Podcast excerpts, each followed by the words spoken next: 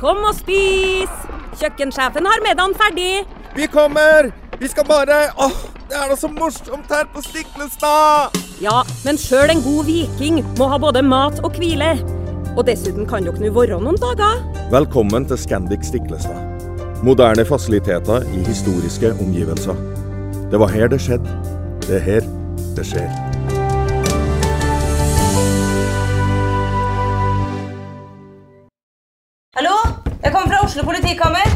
Ine Jansen er purk. Er du purk? The motherfucking bitch. Alt jeg vil, er å finne ut hva som skjedde med mannen min. Jon Carew. Er jeg sikta for noe? Iben Akeli. Det er du. Ole So, Lars Berrum og Big Daddy Karsten. Hvem sin side er du på, egentlig? Anette Hoff, Tone Danielsen, Kommer du fra Afrika? Jørnis Josef, Nesten. Kløfta. Trond Espen Seim, Det er synd å si det, men det var feil mann som døde. Purk. Premiere tirsdag på TV2 Play.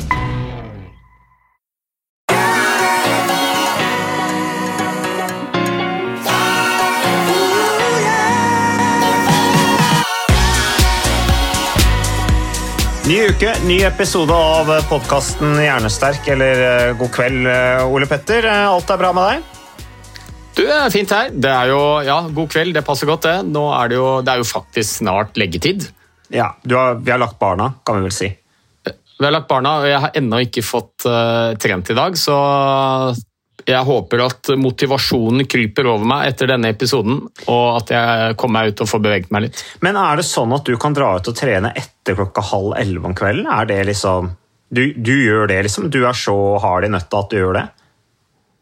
Nei, Jeg vet ikke om jeg har nøtta. Jeg, jeg tenker nå at jeg kan trene stort sett når som helst. Det, det handler jo stort sett, eh, for meg i hvert fall, om å gjøre det når jeg har tid.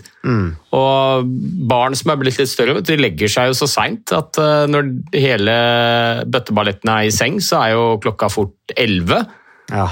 Og så, ja, nei, så det er ikke sjelden at jeg har økter mellom 11 og 12 om kvelden. Jeg har til og med hatt det litt seinere på natta. og jeg.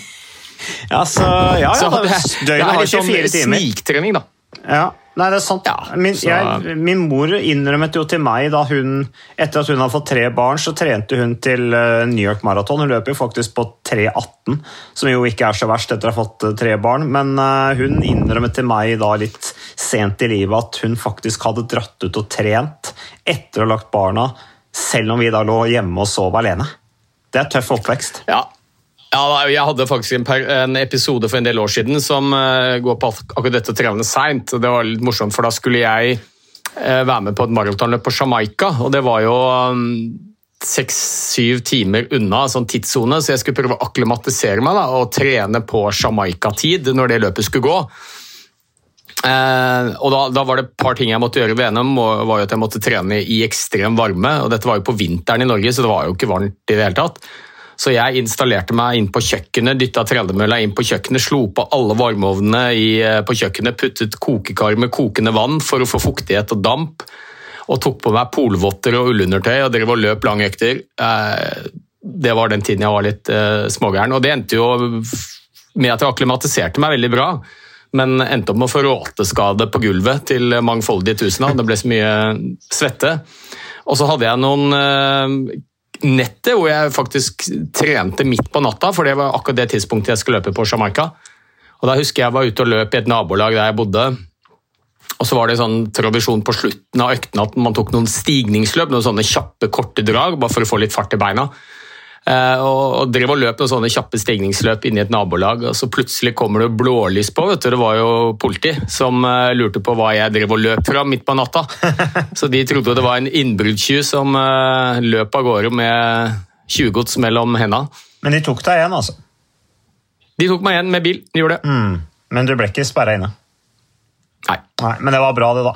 Men du, Ole Petter, du sa til meg i dag at du hadde snakka med en uh, journalist i Dagbladet om Var det ADHD du snakka med han om? Vi har jo snakka om ADHD tidligere. Ja, vi har det, og jeg har skrevet en del om det i den ene boka mi, som heter 'Sterk hjerne med aktiv kropp'. og Det er et sånt tema som jeg eh, interesserer meg veldig for. Mye fordi jeg har hatt en del eh, venner og bekjente som har denne diagnosen, og fordi jeg nok opplever at eh, det er mange som Jeg har jobbet som fastlege i veldig mange år, at det er ganske mange barn og unge som får denne diagnosen uten at jeg tror nødvendigvis de har ADHD. Ja. Altså de ender opp, altså Vi stiller diagnosen litt på feil grunnlag. da. At eh, vi har en tendens til å overdiagnostisere akkurat den diagnosen, eller den sykdommen, fordi eh, det er jo ofte barn og unge som Spesielt guttene, da. Det er jo flest gutter som får denne diagnosen. Eh, Vi vet ikke helt sikkert hvorfor, men vi tror det er fordi guttene i større grad enn jentene er plaget med hyperaktivitet. Eh, For jenter så er det nok mer framtredende med konsentrasjonsvansker, mm.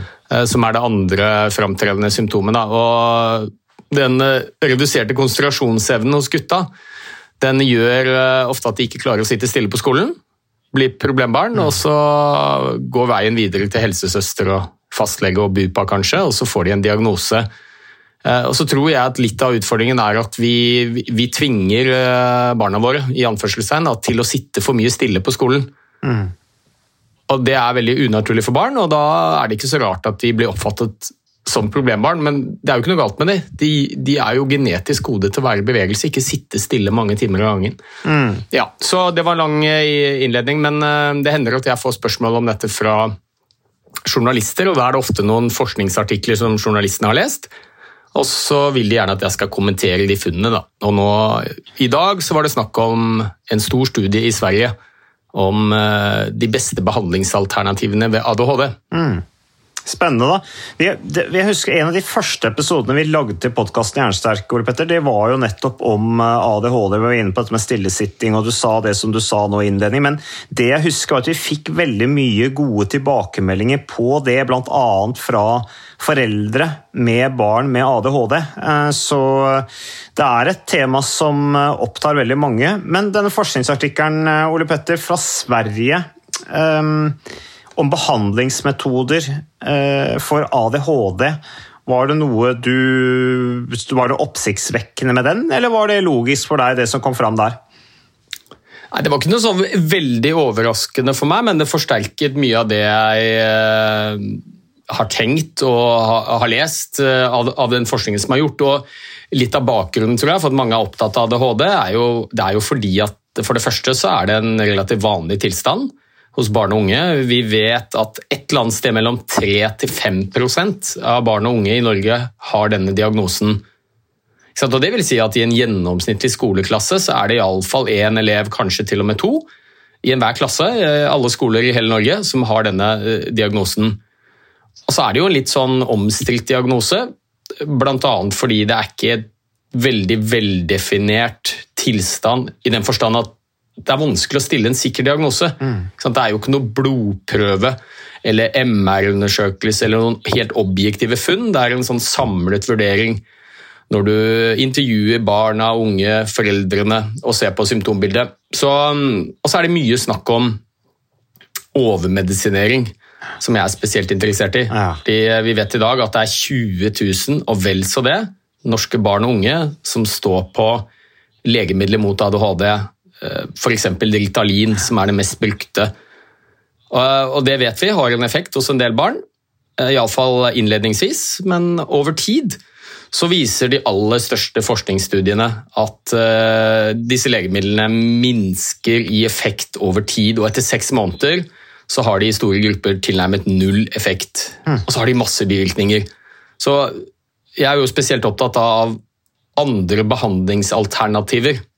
Eh, Ikke nødvendigvis istedenfor medisiner, men gjerne sammen med. Som er enkle, rimelige og så godt som uten bivirkninger. Og da er det vel ikke overraskende at fysisk aktivitet kommer opp som et alternativ. Så det var, så det, var det artikkelen i bunn og grunn handlet om. Hvor effektivt fysisk aktivitet er for å bedre både symptombildet hos de med ADHD, men også læring og livskvalitet.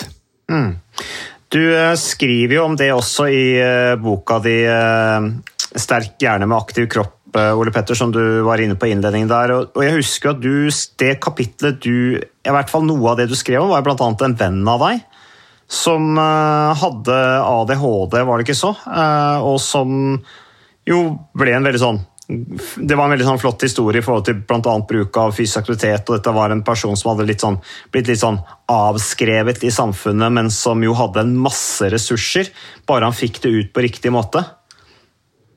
Ja, og det tror jeg er litt sånn undervurdert uh, altså noe vi ikke tenker nok på når det gjelder ADHD. I dag så setter vi gjerne et likhetstegn mellom ADHD og problemer. Fordi at dette er en diagnose som eh, for de aller fleste barn og unge skaper en del utfordringer på skolen, eh, hverdagen, sosialt. Det skaper utfordringer på arbeidsplassen for en del. Og så glemmer vi kanskje litt at veldig mange av de som har ADHD, de er ofte utrolig ressurssterke. Utadvendte kan være sosiale eh, høydepunkter i en forsamling. Altså, vi legger litt for mye vekt på de negative skal vi si for noe Sier. delene av diagnosen. da. Ja, og, så jeg pleier å si litt at eh, ADHD er kanskje ikke nødvendigvis en sykdom, men et sett med egenskaper som ikke blir satt så veldig pris på i dagens samfunn. Og så tror jeg at en av de viktigste grunnene til at vi har en økende andel barn og unge som får ADHD-diagnosen, det skyldes til dels at vi er blitt mer oppmerksomme på den, vi fastleger er flinkere til å prøve å plukke det opp, skolen osv., men jeg tror også det skyldes at vi eh, tvinger barna våre inn i en relativt stillesittende hverdag på skolen. Som gjør at det er helt naturlig at de blir urolige. Altså Hvilket barn klarer å sitte stille en time, en seksåring, en syvåring sitte stille en time av gangen i klasserommet, i ro, rekke opp hånden når de lurer på noe, det er, det er helt unaturlig. Og vi ser jo også i en del studier at når barna får lov til å bevege seg litt mer i, eh, i skolen for eksempel, og får mer bevegelse i hverdagen, så er det færre som ender opp med denne diagnosen. Altså rett og slett at Kanskje var det ikke noe galt med disse barna i det hele tatt. De hadde bare maur i rumpa, var naturlige barn, og så er litt av utfordringen at vi, vi voksne i anførselstegn tvinger de til å sitte mye stille. Ja, for et, er barn også- som, et ja. barn som bare sitter stille og er helt lydig hele tiden, det er vel kanskje en liten sånn varsko Det også, tenker jeg. Det, er det normalt, liksom? Nei, det er jo ikke det, men vi er jo, og jeg skjønner jo hvorfor, jobber man i skolen, så er man selvfølgelig avhengig av en litt ro og disiplin i klasserommet, så det er jo en vanskelig balansegang, så jeg klandrer jo ikke disse lærerne som jobber med barna. Jeg har full forståelse for at det blir litt sånn, men eh, så jeg tror jo mer det er den pedagogiske modellen det er noe galt med, da, at vi må la barna bevege seg litt mer. Men en av de tingene som journalisten spurte mest om, da, som jeg tenkte kanskje kunne være interessant, som mange spør meg om også, hva er det med fysisk aktivitet som gjør det såpass eh, til et så godt behandlingsalternativ ved ADHD? Ja. Eh, og Der har vi begynt å få veldig, veldig mye, mye kunnskap. Blant annet så vet vi at vi har en del akutte effekter når du beveger deg. Vi behøver ikke å snakke trening engang, men bare lek. Lek og aktivitet for barn. Så vet vi godt at da skilles ut en rekke kjemiske stoffer i hjernen. Dopamin, serotonin, noradrenalin. Som er tre kjemiske stoffer som vi vet at en del barn med ADHD har ubalanse i. Altså de har for lite dopamin, kanskje for lite serotonin, for lite noradrenalin. Og, og Da er det jo ikke så rart at disse Ritalin-pillene virker, spesielt på kort sikt, fordi de fører jo til utskillelse av mer dopamin, noradrenalin, spesielt. da. Men akkurat det samme gjør bevegelse. Så man er med på å korrigere en ubalanse i hjernen, altså rett og slett kjemiske endringer.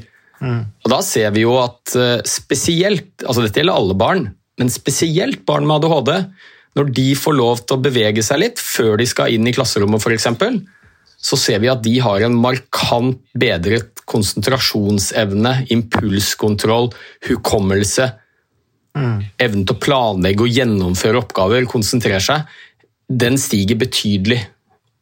Egentlig hos alle barn, men mest hos de med ADHD. Så kanskje har de en enda større gevinst i hverdagen ved å være i aktivitet enn andre barn.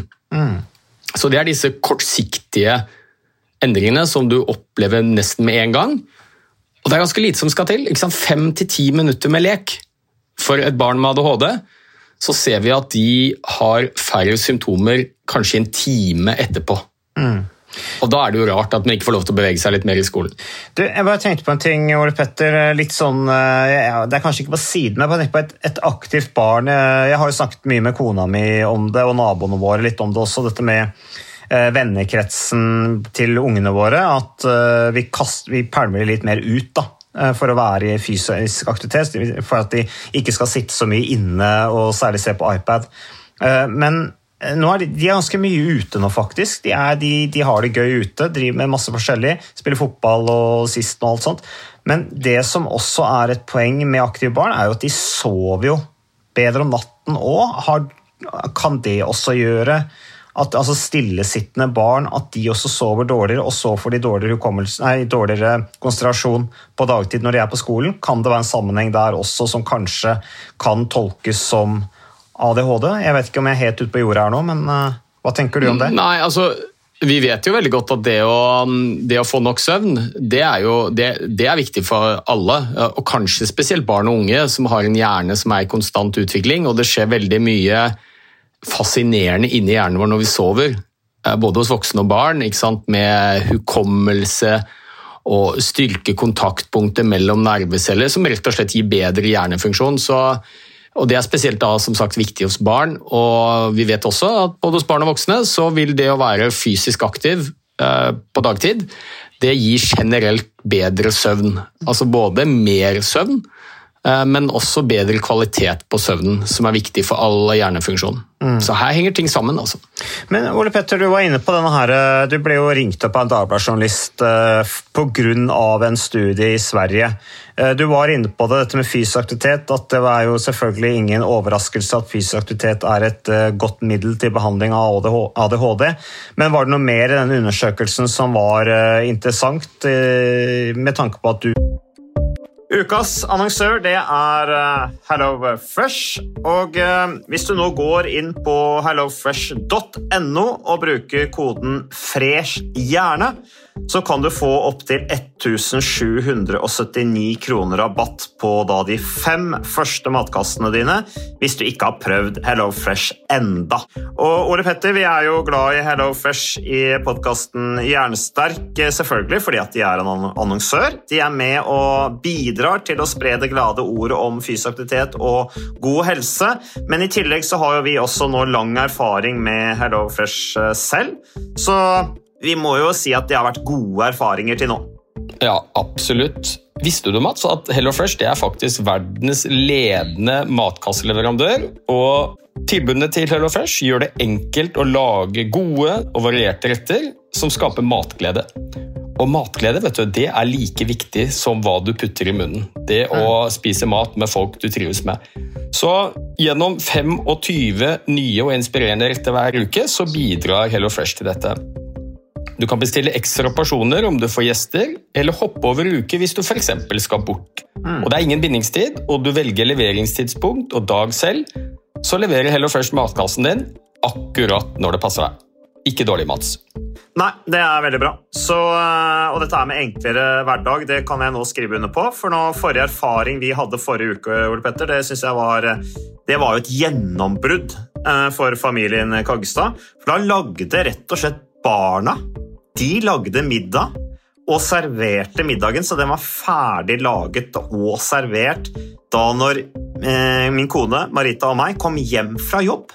Og jeg mener Det var jo bare helt utrolig. Eh, det var helt fantastisk. Det ble en nydelig middag. Riktignok de, de, de, de roter og søler litt, det gjør de. Så, men, men, maten ble veldig god. De var veldig stolte over å kunne å ha både laget og servert maten, så det var helt fantastisk. Så vi har jo da i det siste så har vi eh, spist eh, bl.a. sitron- og dillstekt hyse med ovnsbakte grønnsaker og aioli. Eh, vi har spist middelhavsinspirert kylling. Taco, så finnes det mange ulike typer taco. F.eks. vietnamesisk taco, som vi har spist. Thailandsk vegetargryte. Veldig riktig og sunt uh, i dagens uh, samfunn med, med, fokus på bærekraft. Hvitløk og chilistekte reker i spagetti, det var definitivt en vinner. Så det er så flott. Du får rimelig mat ved at du kun betaler for det du trenger, så det blir ordentlig feststemning med Hello Fresh. Det gjør det, og nå er det bare for deg å gå inn på hellofresh.no og bruk koden 'fresh hjerne'. Da får du opptil 1779 kroner rabatt på de første fem matkassene dine hvis du ikke allerede har prøvd HelloFresh. Du kan også bruke rabattkoden hvis du har stoppet abonnementet ditt for tolv måneder siden eller mer. Er det noe å lure på? Håper maten smaker godt. Bon appétit! Du tross alt har fulgt med på denne debatten rundt ADHD lenge? Ja, jeg synes noe av det, det, som er mest interessant, det er jo hva som skjer over tid. For nå snakket jeg litt om de akutte effektene for barn med ADHD, og for så vidt voksne også med samme diagnose, når de er i bevegelse så skjer det en umiddelbar gevinst i form av bedre konsentrasjon, oppmerksomhet og impulskontroll og alt dette her. Eh, og den, og den kan vare noen timer. Men så ser vi at over tid Altså, nå snakker vi om hvis man er i regelmessig aktivitet for barn og unge med ADHD over uker, måneder og år. Altså barn som er med hver dag i aktiviteter på skolen, eh, fritidssysler, idrett osv. Så, videre, så ser vi at det faktisk skjer permanente endringer i hjernene deres. Og noe av det mest spennende med ADHD som det er sånn revolusjonerende funn etter at vi begynte å kunne gjennomlyse hjernen hos levende mennesker med MR-maskiner og PET-skannere, mm. så ser vi at de som har ADHD, de har noen hjerneområder som er mindre altså de er mindre da, mm. enn kontroller, dvs. Si barn på samme alder som ikke har ADHD-diagnosen. Så det rett og slett er strukturelle endringer i hjernen deres som kan være én forklaring på f.eks. For konsentrasjonsvansker og redusert impulskontroll og hyperaktivitet. Men når de barna da beveger seg mer, så vokser disse hjerneområdene. altså Det blir flere kontaktpunkter mellom nervecellene, det blir mer aktivitet i disse områdene.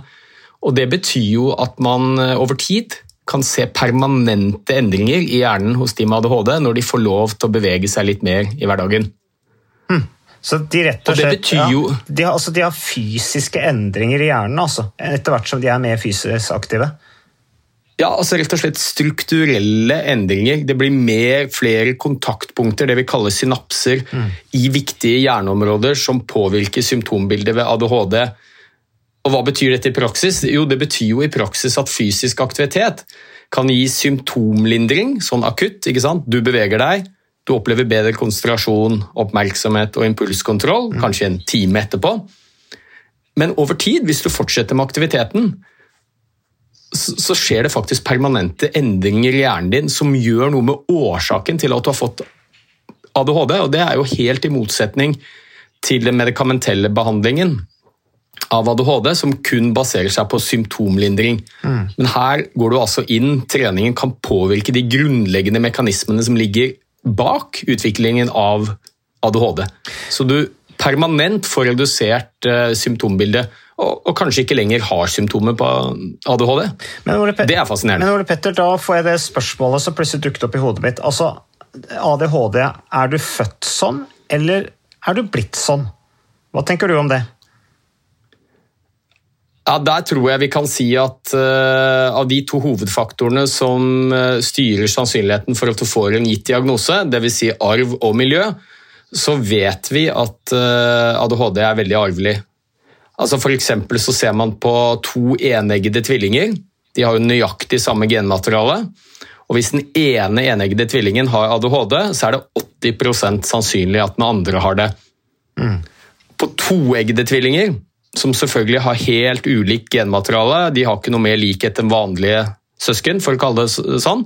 Så er det sånn at hvis den ene tvillingen, toeggede tvillingen har ADHD, så er det rundt 30% at den andre får det. Mm. Hva betyr det? Jo, det betyr at ADHD er veldig arvelig, men det er også miljøfaktorer som påvirker. Mm. Så um, det er en ganske arvelig tilstand. Det er det. Interessant, eh, Ole Petter. Jeg lurte på om vi skulle ta oss og hoppe litt over på et annet eh, tema. Vi har jo fått noen, eh, vi har jo en del som sagt, leserinnlegg eller lesespørsmål som vi burde ha tatt alle sammen.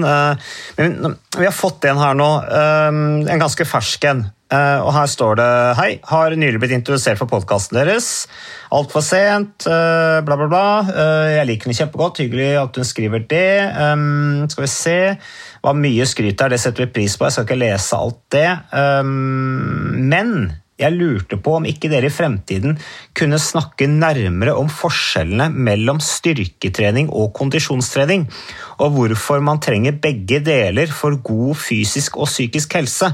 Og så skriver hun videre her har et inntrykk av at mange enten er styrketreningsmennesker som skal løfte tungt på gymmen, og som mosjonerer ekstremt lite utenom treningssenteret, går tur, løpe osv.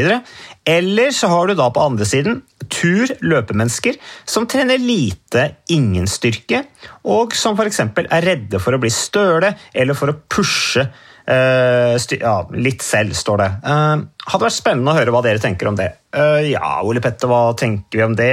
Kan jo bare sånn Umiddelbart så tenker jeg liksom at det er jo bra å gjøre begge deler, eh, både for fysisk og psykisk helse. Eh, Vi har vel vært litt inne på det at du kanskje får noe mer sånn akutt eh, mental gevinst av å løpe enn av å trene styrke, men samtidig, det er jo noe med helhetlig trening som også er med og eh, bidrar til å styrke det mentale. Eh, For kroppen og toppen henger jo sammen, som du sier. Ja, jeg tenker at eh, absolutt all trening er bra. Jeg tenker Det er hoved, hovedbudskapet mitt. I hvert fall. Og, og så må man finne noe man trives med. Og det vet vi jo alle sammen, at noen er glad i å trene styrke, syns det gir dem mest. Både kanskje fysisk og mentalt, mens andre sverger mer til kondisjonsøvelser. Så mitt viktigste budskap er at trening, punktum, hjelper og er bra for helsa, enten du velger kondisjonsaktivitet eller styrketrening. Det viktigste er å finne det du trives med. Men er du motivert for det, så er det aller beste for helsa det er å drive litt med begge deler. Og så tror jeg også at vi har en tendens til å lage et sånn veldig tydelig skille mellom styrketrening og kondisjonstrening, som jeg mener er litt kunstig. Eh, mye av gevinsten ved aktivitet, uansett om det er styrke eller kondisjonsaktivitet, det handler om bevegelse. Du bruker muskulaturen, du øker sirkulasjonen. Du bruker kroppen din, og det er der mye av helsegevinsten ligger. Og det får du jo ved begge deler. Og så sa du noe om eh, kanskje er det større hjernegevinst ved kondisjonstrening enn styrketrening. Og, og det tror jeg forskningen støtter ganske godt opp om. Men det handler egentlig ikke om om det er styrketrening eller kondisjonstrening. Det handler om hvor mye du får opp pulsen. For vi tror jo det at de eh, aller mest optimale hjernegevinstene de får du når du eh, får litt høy puls. Iallfall i moderat intensitet, kanskje til og med over i høy intensitet. Men det er det jo fullt mulig å få ved styrketrening også. Avhengig av hvordan du legger opp styrketreningen din. Så, um, så jeg tenker nå at hvis du er mest glad i å trene styrke, så fortsett gjerne med det, men det går jo an å legge inn noen styrkeøkter som gir litt mer kondisbelastning. Type sirkeltrening med um, intervaller hvor du kjører drag, om det er med eller uten vekter. eh, Øvelser med halvt minutt, 40 sekunders eh, intensitet, og så har du 20 sekunders pause, og så gjør du nye øvelser, styrkeøvelser. Mm. F.eks. Type crossfit-øvelser. Så, så vil du jo se at du, du jobber med høy puls nesten hele tiden. Ja. Og så er det mye Så, koordinasjon og teknikk og sånn også, som jo selvfølgelig du er med og skjerper hjernen. Ja da, og når det er sagt også, da, så tror jeg også at styrketrening har fått litt sånn B-stempel når det gjelder helse, og det tror jeg er litt uf ufortjent. Fordi at eh, mange av de helsegevinstene vi ser ved fysisk aktivitet, f.eks. på hjertet, eh, men også hjernen, de får du også ved styrketrening. Vi vet at regelmessig styrketrening, selv om du ikke får så veldig høy puls, er med på å øke blodsirkulasjonen rundt i kroppen. Det er sunt for blodårene dine, mindre sjanse for åreforkalkning og derav hjerte-karsykdom senere i livet. Eh, Vi vet at det er bra for blodsukkerregulering, vi vet det er bra for kolesterolnivå. Altså, veldig mange av disse risikofaktorene som er viktige årsaker til at vi får sykdom, hjerte-karsykdom, diabetes type 2, kreft f.eks., så, så ser vi at styrketrening også virker beskyttende. Så jeg tror det er litt liten grunn til å, å føle et sånn B-stempel på styrketrening når det gjelder helse. Og så er det jo noen ting, kanskje enda større gevinster ved styrketrening for en del grupper.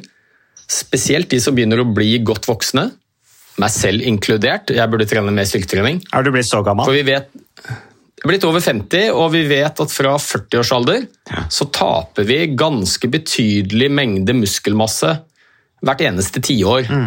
Altså rett og slett som en normal aldringsprosess. Og det kommer litt sånn snikende på. Og vi tar jo litt for gitt at vi har nok styrke til å gjøre alle de tingene vi liker å gjøre i hverdagen. Og så glemmer vi kanskje at mye av det vi gjør, krever faktisk ganske mye muskelstyrke. Bære handlepose, løfte ting, gå i trapper, gå i fjellet.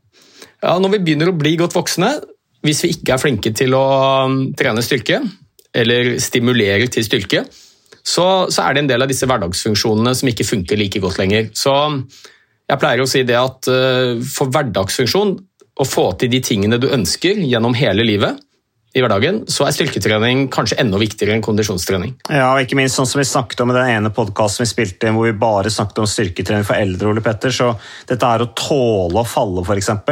Dette med balanse. Der er jo også styrketrening med og, og bidrar betydelig i forhold til hvordan du restituerer deg, eller hvor hardt rammet du blir hvis du faller som gammel, f.eks. Men, men, så er det jo også sånn at det er ingen trening vi gjør som ene og alene er kondistrening eller ene og alene er styrketrening. De fleste tingene vi gjør, det er jo en kombinasjon. Mm. Bare det å løpe for eksempel, det er jo betydelig styrkeutvikling i, i, beina selvfølgelig, når du løper. Eh, når du går på ski, så er det overkroppen i tillegg. Når du sykler, så er det beina. Mm. Og så, videre. så tipset mitt, hvis man eh, kanskje er mest glad i å trene styrke, det er jo å få inn noen økter hvor du også stimulerer kondisen litt ekstra. Mm. Blir litt ekstra sliten. Og er du mest glad i å løpe, eh, så finn noen typer løpeøkter da, som eh, er med på å gi deg litt ekstra styrke. Det kan være å løpe motbakke, løpe trapper. Ganske enkle ting. da. Mm. Hvor du får kondisen, men med styrketreninga på kjøpet. Hvordan trener du styrketrening om dagen du Ole Petter? Jeg har mine styrkeøkter på gulvet i stua. Eh, to til tre økter med en sånn sirkel med litt strikk brikker og litt manualer og sånt, som jeg, jeg ganske, har fått ganske god rutine på. Um, hvordan gjør du det? Skal vi snakke om noe annet? vi kan godt gjøre det. Nei, du vet hva, jeg, jeg, har rett og slett eh, hatt så mye å gjøre i det siste at jeg har mer enn nok med å skvise inn en eh, kondisjonsøkt. Eh, jeg prøver å få til det hver dag. Ja. Men eh, så har jeg, har jeg, litt dårlig samvittighet for at jeg ikke har vært borti manualene mine og ja, en liten sånn enkel setup i kjelleren nede. Mm. Så, så, nå har jeg faktisk begynt å multitaske.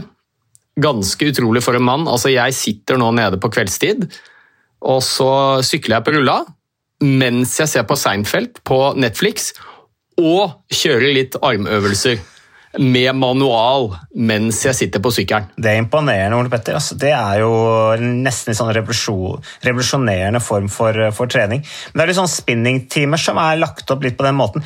Men Ole Petter, vet du, apropos, hvis du nå, nå er det ganske seint på kvelden. Du har ikke fått trent i dag, du har litt lyst til å få deg en liten økt. Eh, du har dårlig samvittighet for at du ikke har trent noe styrketrening. Vi har et lyttespørsmål til, men jeg tenker kanskje at vi kunne spart det til seinere og så får du tatt en liten treningsøkt, så har du mer energi til å snakke om det en annen gang. Skal vi gjøre det sånn? Du, Det er helt fint. Da får vi holde Du kan jo gi en liten pekepinn på hva dette lyttespørsmålet er, da. Så kan vi holde folk litt sånn en sånn cliffhanger.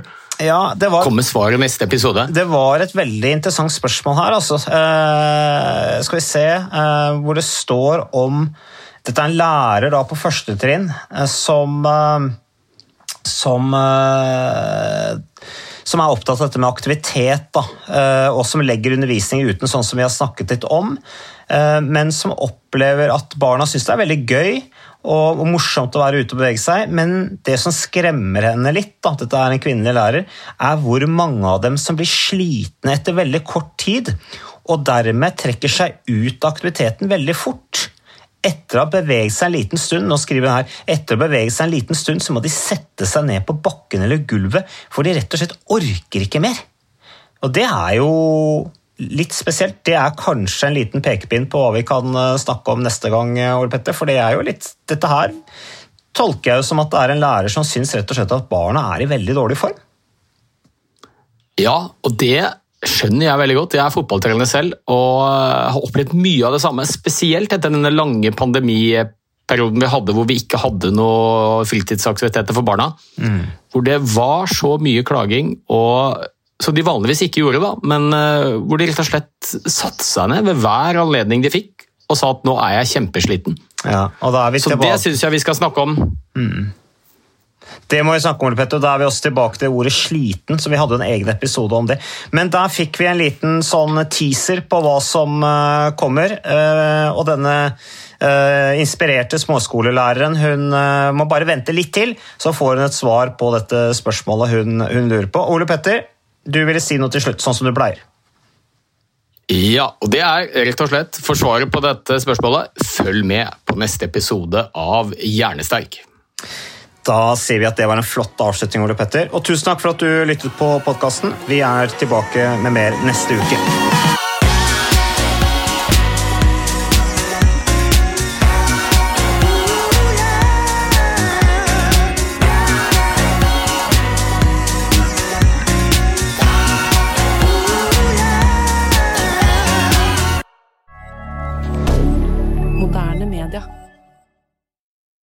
Har du et enkeltpersonforetak eller en liten bedrift? Da er du sikkert lei av å høre meg snakke om hvor enkelt det er med kvitteringer og bilag i fiken, så vi eh, gir oss her, vi. Fordi vi liker enkelt. Fiken superenkelt regnskap.